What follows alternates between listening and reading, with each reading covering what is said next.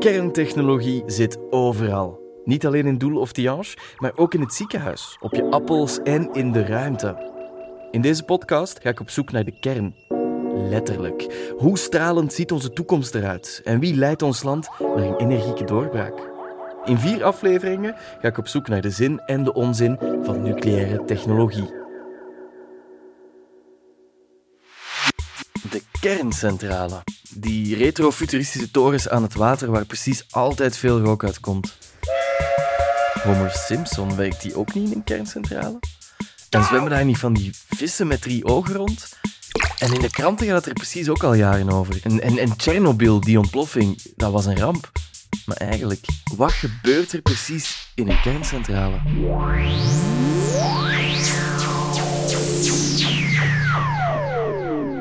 Simpel gezegd is een kerncentrale een elektriciteitscentrale. Energie wordt opgewekt door het splijten van uraniumatomen. En wanneer je zo'n uraniumatoom splijt, dan komt er enorm veel warmte vrij. En die warmte zorgt voor stoom, die dan weer een gigantische dynamo in gang zet. En die dynamo maakt elektriciteit, net als op je fiets, maar dan wat groter. Simpel.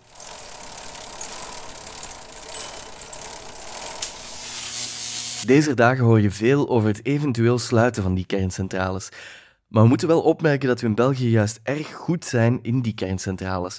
We waren zelfs jarenlang een van de meest nucleaire landen ter wereld. We hebben dan ook twee grote kerncentrales. Eentje in Doel en eentje in Tihange. En die kerncentrales zorgen al meer dan 40 jaar voor zowat de helft van onze elektriciteit. In Amerika bijvoorbeeld zorgt kernenergie maar voor zo'n 20% van de elektriciteit. En in Nederland zelfs maar 4%. Daar verbruiken ze vooral veel aardgas. België kent dus wel het een en ander van kernenergie. En ondertussen ook wat van hernieuwbare energie, waar sinds 20 jaar stevig in wordt geïnvesteerd. Zon en wind voorzien nu voor bijna 15% van onze elektriciteit. En de combinatie van kern- en hernieuwbare energie zorgt ervoor dat België een vrij koolstofarme energieproductie heeft. Maar we weten dat het nog beter moet. Wie aan kernenergie denkt, hoort in zijn hoofd soms ook alarmbellen afgaan, ziet gevaarsymbolen opduiken en denkt aan mannen in gele pakken die met grote vaten zeulen. Kernenergie heeft natuurlijk zijn minpunten. Het laat zoals elke industriële productie afval achter. Nucleair afval. Het wordt enorm veilig beheerd, maar het duurt uiteindelijk wel honderdduizenden jaren voordat het niet meer radioactief is. En waar sla je dat op? Met de klimaatdoelstelling van 2050 wordt de nood aan CO2-arme energieproductie steeds groter. En één vraag dringt zich op. Kunnen we het binnenkort 24 op 7 met enkel zon of wind? Of hebben we ernaast nog een andere koolstofarme energiebron nodig, zoals kernenergie, op moment dat er geen wind of zon is?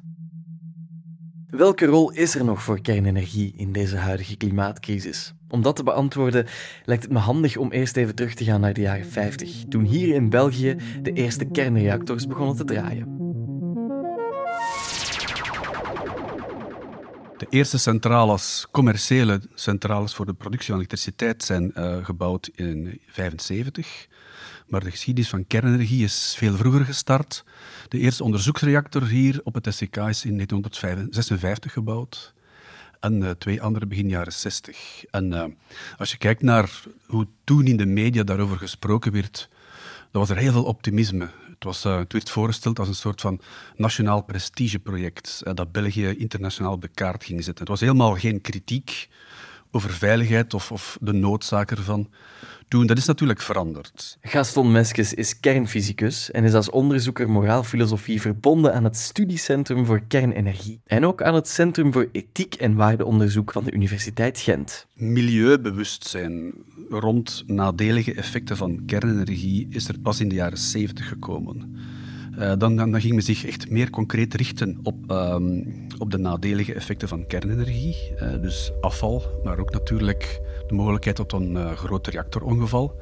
En het tweede vorm van kritiek, ook hier in België concreet, ging over ongebreidelde, ambitieuze uitbreidingsplannen van de energiesector. Men speculeerde op een stijgende vraag naar elektriciteit, onder andere ook omdat bijvoorbeeld meer en meer mensen ook gewoon elektrische apparaten en zo in huis gingen nemen, transport en zo verder, de industrie die dus uitbreidde. En dus om aan die stijgende vraag naar elektriciteit te voldoen, was kernenergie eigenlijk de ideale oplossing. Uh, men moet ook bedenken dat de steenkoolmijnen in België stilaan aan het sluiten waren. Dus België had eigenlijk geen eigen voorraden meer. Al de rest, aardolie en aardgas, moest ingevoerd worden. En dan heeft de oliecrisis van de jaren 70 eigenlijk gewoon dat kernenergieprogramma echt nog een duw gegeven, eh, een positieve duw. Die oliecrisis jaagt ook in België de energieprijzen de hoogte in en zorgt wereldwijd voor een zware economische ramp. Met het afbouwen van steenkool en het gebrek aan olie ziet de overheid de oplossing in kernenergie. De Belgische overheid heeft eigenlijk gewoon een heel kernenergieprogramma op, op tafel, en dus op de tekentafel, al ontwikkeld, vooraleer het grote publiek daar eigenlijk lucht van kreeg. Um, het is maar pas toen men zocht naar een locatie voor de eerste kerncentrale, dat de publieke opinie eigenlijk gewoon getriggerd werd daardoor en de mensen te horen kregen wat, er eigenlijk, wat eigenlijk de plannen waren. In die plannen is er eerst sprake van Zeebrugge als locatie voor de eerste kerncentrale, maar uiteindelijk wordt er gekozen voor Doel en Tiange. Daar willen ze de eerste commerciële kerncentrales van ons land bouwen. Voor de bewoners in de buurt en eigenlijk voor alle Belgen was zo'n project totaal nieuw en dus ook erg onduidelijk. In die tijd, in de jaren 70, uh, eh, toen het beslist werd om voor de locaties Doel en Tiange um, zijn er natuurlijk procedures gevolgd, maar een, uh, het soort van uitnodiging naar de mensen toe om samen dus die optie te bespreken, is er nooit geweest. Uh, dat zat niet in de politieke cultuur van toen. Je zou kunnen zeggen dat dat nu wel het geval is, maar, maar toch, ja, publieksparticipatie in grote technologische projecten blijft, blijft nog altijd een uitdaging. Hè. Dus, uh, maar toen was het zeker toen was er niets. Hè. Het werd dus aangekondigd en dan volgde er protest. Het was een typische, wat men in het Engels zegt, uh, decide, announce, defense uh, strategie. Maar desondanks zijn de centrales er toch gekomen, uh, want er waren verschillende stemmen in het debat, ook lokaal van de bevolking. Men zag niet alleen de gevaren, maar ook het potentieel. De werkgelegenheid bijvoorbeeld uh, was een heel uh, sterk argument uh, van de voorstanders van kernenergie en de, en de overheid op dat moment. En daar blijven natuurlijk lokale overheden ook niet ongevoelig voor. En, dus er is, de, de, dynamieken voor en tegen bestonden, maar uiteindelijk werd er altijd wel beslist in het voordeel van de kernenergie, bij wijze van spreken. En, wat natuurlijk niet, niet betekent dat de protesten stilvielen. En als ik zeg protest, moeten we dat niet per se in een dunne interpretatie gaan zien als zijnde protestbetogingen uh, of zo. Nee, het gaat ook over, er wordt heel veel gepraat, weer constructief gepraat, uh, maar niet genoeg om dat eigenlijk genoeg gewicht te geven als een soort van, uh, in, in het kader van een beleidsbeslissing. Doel en Tiange zorgen decennia lang voor het overgrote deel van de energie in ons land. En de milieubewegingen die blijven al die jaren discussiëren en ook investeren in het maatschappelijke en politiek debat. De Belgische kernuitstap is, eigenlijk een, eh, een politiek product. dus uh, dat tot stand gekomen is bij de regeringsvorming in 1999, bij de regering Verhofstadt 1. De Groenen eh, werden opgenomen in de coalitie om een meerderheid te kunnen maken. En de Groenen namen een van hun voorwaarden vanuit hun verkiezingsprogramma mee naar de coalitievorming, namelijk de kernuitstap. En die is toen mee goedgekeurd, in een soort van globaal pakket natuurlijk, dus, uh, voor, om een regering te kunnen vormen. Terwijl er eigenlijk gewoon nooit echt een debat rond geweest is. Dus ook in de aanloop tussen 1999 en 2003, toen de wet op de kernuitstap uh, gestemd is, zijn er debatten geweest natuurlijk, politieke debatten, maar niet echt een maatschappelijk debat. Er is eigenlijk nooit in België een echt maatschappelijk debat met bevolking en vooral middenveld geweest rond kernenergie. Niet bij de introductie ervan, eh, dus eh, na de oorlog, en ook niet bij de kernuitstap, die dus, ehm, die dus in 2003 wettelijk een feit werd. Veel experten zijn blij met de aandacht die kernenergie de laatste jaren krijgt. Want nooit in de geschiedenis werd er zoveel over de technologie gesproken als vandaag. Maar heel wat van die specialisten vinden ook dat het inhoudelijk aspect nog te vaak ontbreekt, waardoor de voor- en nadelen nog al te vaak lijnrecht tegenover elkaar staan. En dat is niet bepaald ideaal voor het debat. Ik bel met Mirto Tripathi in Parijs. Mirto is een ingenieur met een opvallende achtergrond. I decided to leave the nuclear sector not because I wasn't happy with the nuclear sector anymore, because I had found a challenge that was greater uh, than what I was doing. uh, which was uh, climate change. And I wanted to um, have a job that explicitly supported the fight against climate change. And uh, finally, having discovered all the stakes and issues relating to climate change, I actually returned back to nuclear uh, to actually fight it for real. Uh, so that was big discovery. Mirto begon als ingenieur in de nucleaire industrie, maar nam na een aantal jaren het besluit om vol voor haar passie te gaan. Actie voeren voor het klimaat. Het lijkt een opvallende breuk tussen twee werelden, maar wat op het eerste zicht misschien een tegenspraak lijkt, is voor Mirto een harmonie. En doordat ze zichzelf steeds de spiegel voorhield, is ze intussen een van de stemmen die beide kanten van het verhaal kent. First, I have to say that even as an employee of the nuclear industry, I was myself and like everyone exposed to the same kind of information that we generally can see uh, in the media.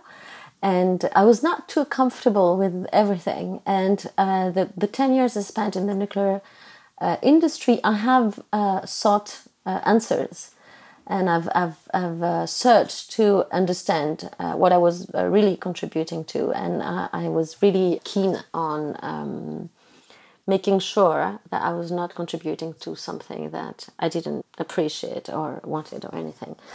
And the arguments against nuclear energy for me uh, were the same that everyone else has uh, when they haven't looked closely and for a long time uh, to the subject. Um, we have all been exposed for all or most of our lives to repeated messages through media and pop culture regarding how evil nuclear is, uh, dangerosity of wastes, accidents, um, and so on and so on. I could go on forever. Um, what we are not exposed to are the contributions of nuclear energy uh, to our lives our environment, our health and our prosperity. Dat veel mensen vooroordelen hebben over kernenergie kan ze begrijpen.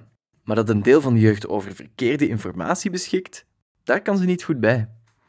Uh, in, in France, there's been an opinion poll uh, not so long ago that said that 86%, that's 86%, of young adults from 18 to 35 years old. So that's the generations that making the decisions today and will make the decisions tomorrow. They think nuclear is, is emitting greenhouse gas in the atmosphere and is a big contributor to climate change. So that's false, completely untrue. That, that same generation of, of young adults put number one as their priority climate change.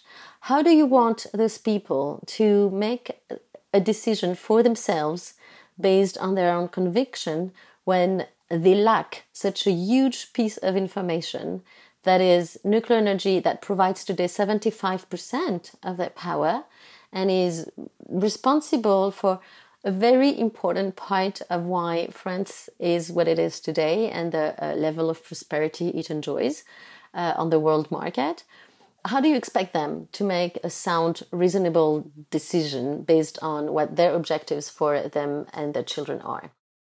You can't. Het is natuurlijk niet heel gek dat veel jongeren die ideeën hebben. Sinds Tsjernobyl en Fukushima is de hele wereld opnieuw opgeschrikt door het gevaar van radioactiviteit. Een gebeurtenis die op verschillende generaties een indruk heeft nagelaten. Well, the, the nuclear industry is almost 60 years old uh, today, which makes it still a rather young, recent uh, form of uh, energy, but still 60 years of uh, experience feedback uh, that we have today. Uh, there's a little more than 450 plants on many different countries spread on all continents. so we have kind of good grasp of how it can run, right? There's only been three accidents, serious accidents in um, in the nuclear industry. Uh, only one has led to uh, a death. It's Chernobyl. Uh, the two other ones, Fukushima and Three Mile Island, actually had no casualty associated to it and will not, even in the future. De ramp in Chernobyl heeft heel wat slachtoffers gemaakt. 31 mensen zijn kort na de ramp overleden aan directe gevolgen van de ontploffing en het opruimen van het puin. Men schat zelfs dat er ongeveer 2200 opruimingswerkers zijn overleden of zullen overlijden aan de gevolgen van de blootstelling aan de hoge stralingsdosis. Het rapport van de VN schat het aantal doden zelfs op 4000. En er was ook veel ecologische en sociale schade. Een gebied vijf keer zo groot als België werd besmet met radioactief cesium. In totaal moesten meer dan 300.000 mensen geëvacueerd worden. En nog steeds is er een zone met een straal van 30 kilometer die je niet mag betreden zonder toelating. Aan de basis van de ramp lag een menselijke fout. Maar ook de reactor, die onveilig was van concept, vormde een probleem. So Chernobyl, yes, was a very serious accident. Uh, under very specific circumstances with a very early uh, technology that uh, will not um, be found elsewhere since then, thank God, because it was inherently dangerous in its design. And uh, Chernobyl cannot happen again in any of the current reactor designs. So it was a very uh, specific context.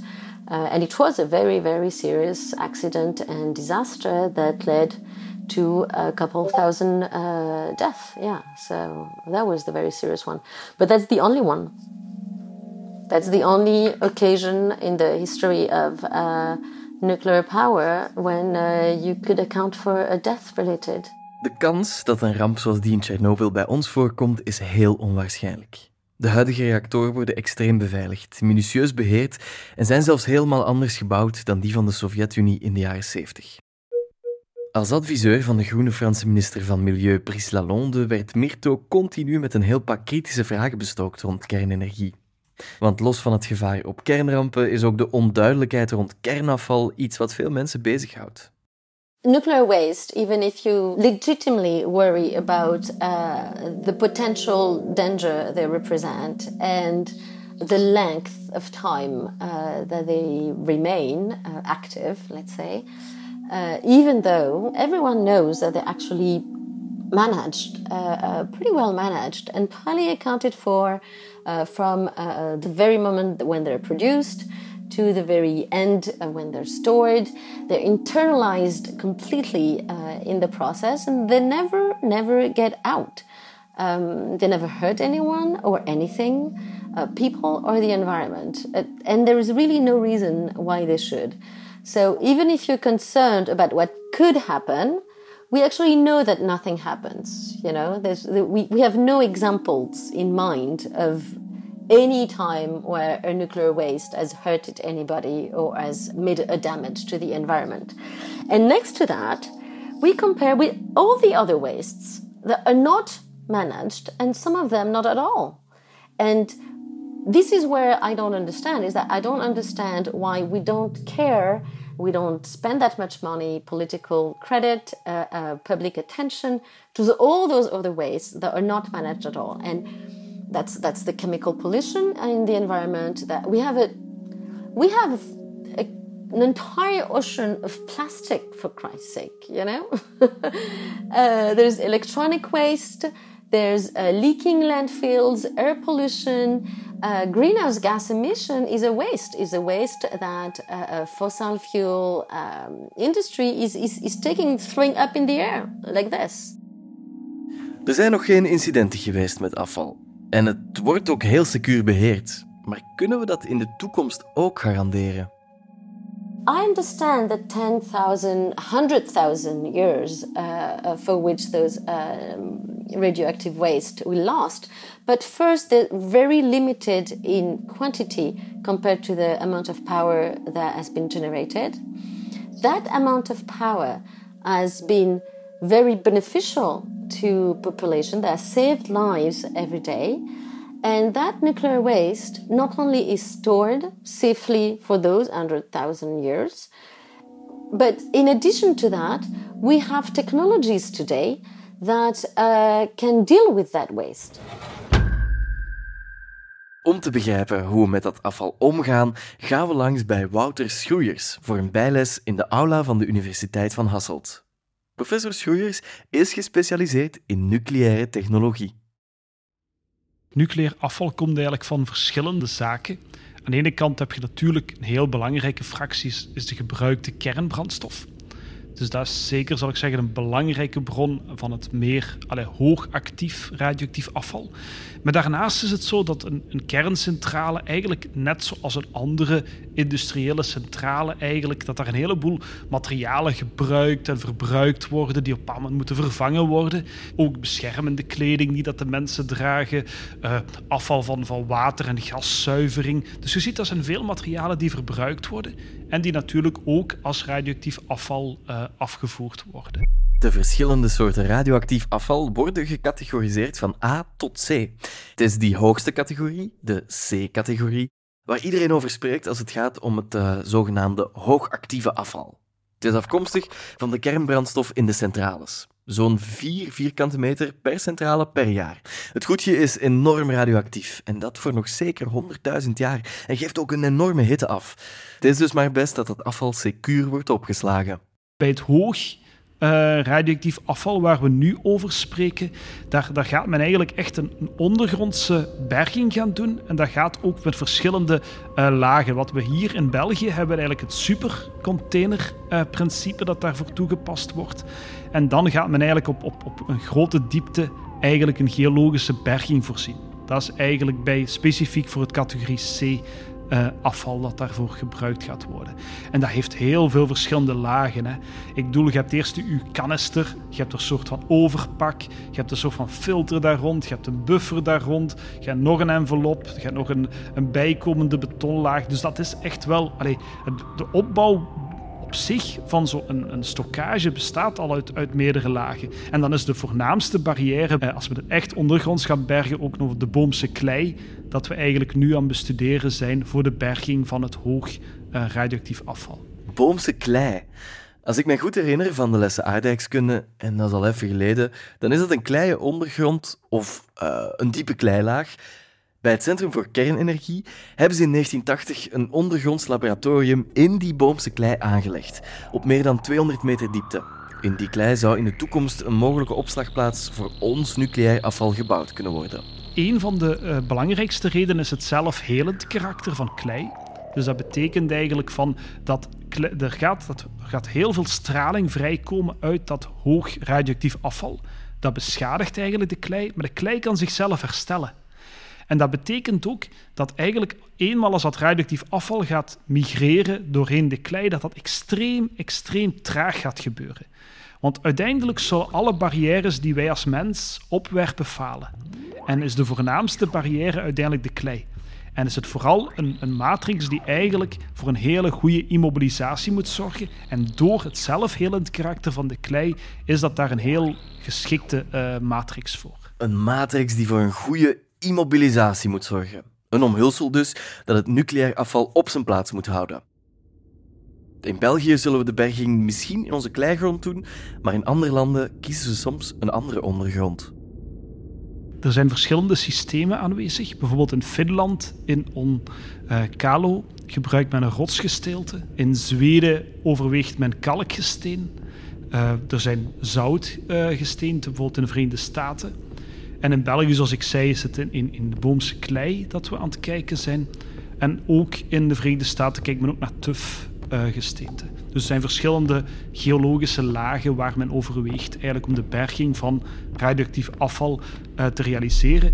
Maar natuurlijk ook de diepte is daarbij een belangrijke in factor. In Finland, daar zijn ze al serieus beginnen graven. Op het eiland Olkiluoto, vlak aan de kust, wordt er een gigantisch gangenstelsel geboord. Er komen zo'n 100 verdiepingen diep onder de grond. Daarin zal het nucleair afval, secuur verpakt door zo'n matrix, weggezet worden. Waarna het gangenstelsel helemaal wordt afgesloten, zodat niks of niemand erbij kan. En ook in Frankrijk zijn ze onder andere bezig met zo'n gigantische graafwerken voor de toekomst.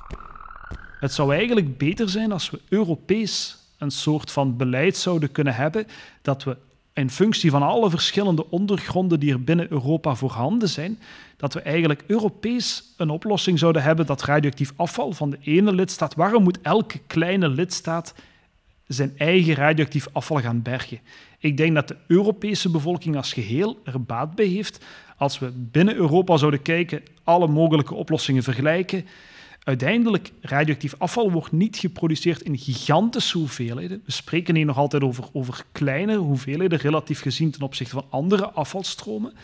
Als wij ergens een veilige berging gaan, gaan uh, maken voor het afval van, van de verschillende Europese kerncentrales, en we weten dat dat de beste oplossing is binnen heel Europa, dan denk ik dat we eigenlijk een, een, nog een betere oplossing zouden kunnen hebben dan dat we nu elke lidstaat voor zich een, een oplossing laten uitwerken.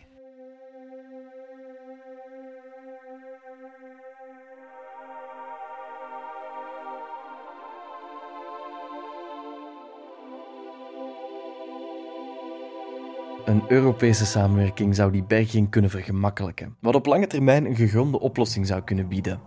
Maar in België is er nog een ander project op til.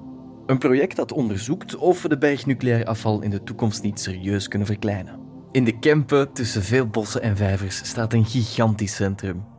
Op het eerste zicht onopvallend tot u de vele slagbomen en wachtposten ziet. Het is het SCK, het Studiecentrum voor Kernenergie. Een plek waar je zonder het juiste pasje onmogelijk binnen geraakt.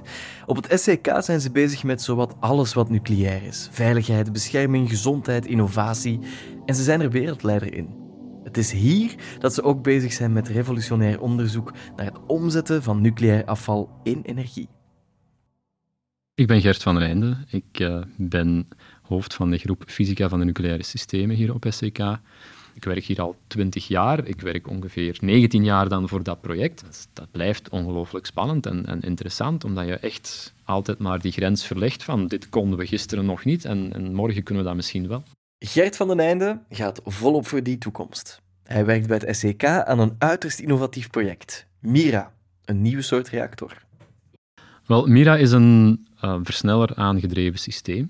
En dat wil eigenlijk zeggen dat je een kernreactor hebt waar dat je te weinig splijtbaar materiaal insteekt, dus te weinig splijtstof instopt, om die fameuze kettingreactie te kunnen onderhouden. Te weinig splijtstof, maar vooral ook splijtstof die elementen van het huidige radioactieve afval bevat, de kleinere actinides. Het komt er eigenlijk op neer dat ze op het eerste zicht waardeloze elementen toch nog nuttig gaan gebruiken om energie te maken en om te zetten in splijtingsproducten. Transmutatie is eigenlijk de algemene naam voor het omvormen van het ene element in het andere element. Ehm, dat zijn de alchemisten van vroeger. Die wouden ook niet anders dan transmutatie doen, lood in goud omzetten. Wel, wij bedoelen met transmutatie in de context van nucleair afval, is dat het omzetten van die kleinere actinides, en dan heb ik het over neptunium, americium en curium, elementen ver in de tabel van Mendeleev, om die om te zetten naar elementen, isotopen, die minder langlevend zijn en minder warm zijn, minder warm te produceren. Na een hele wirwar aan formules krijg je een reactor die werkt met een deeltjesversneller, waarin snelle neutronen verkregen moeten worden om een kettingreactie mogelijk te maken. Dat betekent natuurlijk ook dat als die beweging of versnelling er niet komt, de reactor ook niks waard is. En die mogelijkheid tot stilstand maakt zo'n reactor compleet onschadelijk en veiliger dan alle andere systemen. Op termijn zou het nucleaire afval van onze kerncentrales gebruikt worden als brandstof voor die werking. Wat natuurlijk een enorm voordeel geeft, want zo kunnen de afgekeurde, minder actieve elementen alsnog energie opwekken. En het idee van een versneller aangedreven systeem is om die minor actinides, of die kleinere actinides, in zo'n snelle neutronenflux te stoppen. In zo'n snelle in een reactor waar dat er heel veel snelle neutronen rondvliegen. Waarom? Omdat we dan die actinides gaan kunnen splitsen. We gaan die opsplitsen, zoals dat we met uranium doen, in twee splijtingsproducten. Ja. Die splijtingsproducten hebben een veel kortere levensduur en zijn ook niet zo warm. Ja, dus als we dat kunnen doen met afval, met het nucleaire afval, dan kunnen we eigenlijk de ingenieursvereisten voor die geologische berging, dat voor ons in België de referentieoplossing is, hè, serieus gaan verminderen. Want wat is het grote probleem met warmte en langlevend? Ja, je stopt iets onder de grond in een laag waarvan dat je verwacht dat ze voor miljoenen jaren stabiel gaat zijn. Nu, als ik iets in de grond stop dat heel warm is en mijn laag gaat warmer en warmer en warmer worden, ja, dan kan ik niet meer garanderen dat die laag stabiel gaat zijn. We zijn hier nu in ons ondergronds labo experimenten aan het doen om klei warm te maken en te kijken wat de impact daarvan is. Om te kijken hoe warm mogen we het stoken. Maar dus, dat wil zeggen, als we iets heel warm in de grond willen steken, dan gaan we daar veel ruimte voor moeten hebben. We gaan daar veel plaats voor moeten, zien, moeten voorzien, zodanig dat die klei niet te hard gaat opwarmen. Nu, als we een hoop van die warmte producerende elementen, die, die actinides, als we die kunnen omvormen naar fissieproducten die minder langlevend en minder warm zijn, ja, dan kunnen we die geologische berging kleiner maken. Kunnen ze ook minder langlevend maken, dus de, de tijdsdruk, hoe lang dat die berging intact moet blijven, kan dan ook korter worden. Zo'n versneller aangedreven systeem en heel die technologie die daar rondhangt, van dat, verbranden van dat nucleair afval, dat in onze terminologie transmuteren of transmutatie van dat nucleair afval, dat gaat de geologische berging niet vervangen. Maar dat gaat er wel voor zorgen dat de ingenieursvereisten op die geologische berging makkelijker worden. Minder groot, minder lang en dus gemakkelijker om te ontwerpen en gemakkelijker om veiligheidsstudies rond te doen. Over de hele wereld is men bezig met het ontwikkelen van kleine, innovatieve kernreactoren. Op dit moment worden er wereldwijd al zo'n 70-tal gebouwd, met China, Rusland en de VS op kop. Bill Gates heeft erin geïnvesteerd en zelfs Rolls-Royce ziet er toekomst in. Zij willen zelfs al tegen 2030 kleine kerncentrales gaan bouwen in Engeland. De meeste van die reactoren zijn SMR's, Small Modular Reactors. Ze zijn klein en min of meer goedkoop om te bouwen. En ze zijn ook modulair. Je kan beginnen met één of twee en later nog centrales toevoegen, om ze zo samen meer energie te laten produceren. Op die manier is het ook voor kleinere landen economisch realistisch om nieuwe kerncentrales te bouwen. En dan is er nog een nieuw model dat opvalt. Een model dat de groene kerncentrale wordt genoemd. Het is een nieuw type centrale dat ze op dit moment nog aan het ontwikkelen zijn op verschillende plaatsen in de wereld. Maar het is ook een concept met believers en non-believers. We gaan op bezoek bij professor in de kern- en stralingsfysica van de KU Leuven, Natal Severijns. Hij is een voorvechter van die nieuwe groene kerncentrale die draait op thorium. Thorium is gewoon een ander heel zwaar element dat in de natuur voorkomt, vergelijkbaar met, uh, met uranium eigenlijk, een zwaar metaal. Thorium, ik had er nog nooit van gehoord.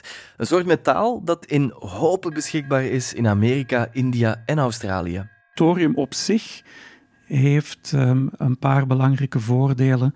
Namelijk dat het in veel grotere hoeveelheid, minstens vier keer meer, op aarde aanwezig is.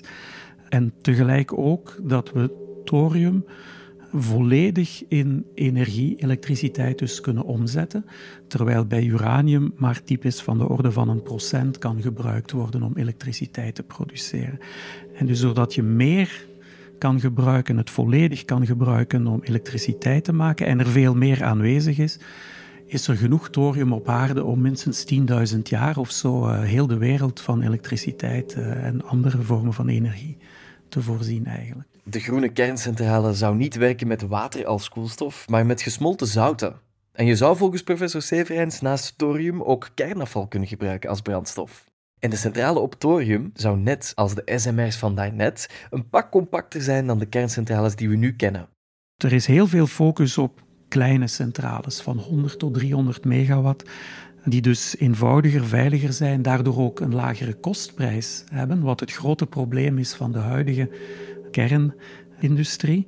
En dus het is realistisch um, dat tegen 2030, 35 verschillende van die kleine reactoren effectief op de markt zullen komen.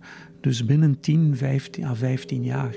En als die dan blijken aan de huidige verwachtingen te voldoen, um, dan zou dat wel eens um, heel belangrijk kunnen zijn voor de kernenergiesector naar de toekomst toe. De kleine kerncentrales zouden niet alleen een pak kleiner zijn dan die van Doel of Tihange, maar zouden er ook nog eens heel anders gaan uitzien, volgens de professor. Eigenlijk kan uh, of gaat zo'n centrale eruit zien uh, als eender welk bedrijf op een industrieterrein, omdat je niet met, uh, met stoom en zo werkt. Um, Um, er gaan geen hoge koeltorens meer zijn. Behalve het feit dat er natuurlijk veiligheidsmaatregelen zijn en dat je niet zomaar binnen kan, um, ga je aan de vorm van het gebouw helemaal niet zien dat dat een kerncentrale is en geen drukkerij of geen uh, firma die uh, machineonderdelen produceert, om maar iets te zeggen. Het klinkt als een utopie. Elke grootstad een eigen kleine kerncentrale. Professor Severijns heeft het nog over een heleboel andere voordelen, die vaak ook opgaan voor de andere kleine kerncentrales van de toekomst. De centrales zullen elektriciteit kunnen opslaan en kunnen zo dus makkelijk gecombineerd worden met wind- en zonne-energie. En hoewel de prijs van zo'n kleine centrale hoog blijft, ziet hij toch een mogelijkheid voor de bouw van die kleine kerncentrales in België. Het is niet onmogelijk dat als reactoren klein zijn en dus um, goedkoper dan de huidige reactoren, dat je naar een soort van coöperatief financieringsmodel zou kunnen gaan. Waarbij je niet alleen de staat, maar ook bedrijven in de omgeving van de reactor, de gemeentes die daar um, gelegen zijn en zelfs privépersonen die hun stroom van die kleine reactor krijgen, dat je die zou betrekken. Hm? Dus, maar dat moet onderzocht worden. Hoe kan je een bedrag van anderhalf à 2 miljard um, coöperatief financieren? Maar door een coöperatieve financiering komen we bij een ander iets dat moet gerealiseerd worden: de draagkracht, de aanvaardbaarheid van kerntechnologie bij de bevolking. Nu is er heel wat weerstand omwille van de problemen die we met uraniumreactoren hebben gehad. Um, maar dit is een heel andere soort kerntechnologie, um, waarbij de grote problemen van uranium um, voor een heel groot deel worden opgelost en er een aantal andere mogelijkheden zich aanbieden. We moeten dus, als we dat soort technologie binnen 10, 15 jaar zouden willen implementeren, de bedrijven zullen daar een heel grote rol in spelen omwille van het economische aspect. Maar als we dat willen doen, dan moet de bevolking openstaan voor die technologie. En dus moet je eigenlijk nu al um, in gesprek gaan met de bevolking en met, over die technologie spreken en informeren. Natuurlijk, het blijft er blijft uh, radioactiviteit bij. Ja. Het is niet dat dat helemaal niets uh, zou zijn. Dus we moeten daar blijven rekening mee houden en daar de nodige aandacht aan schenken dat de radioactieve stoffen in grote hoeveelheden toch bij aanwezig zijn, die correct moeten behandeld worden naar veiligheid van personeel en de bevolking toe. Maar je kan de bevolking informeren over het hele plaatje en dan de bevolking mee betrekken in het nemen van een beslissing. Dat noemen we participatieve democratie.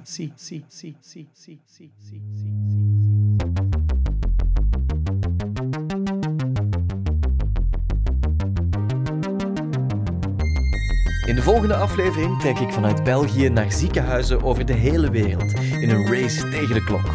Langs het Parijs van Marie Curie tot aan de levensbelangrijke BR2-reactor van Mol. Wil je meer weten? Ga naar nucleairforum.be.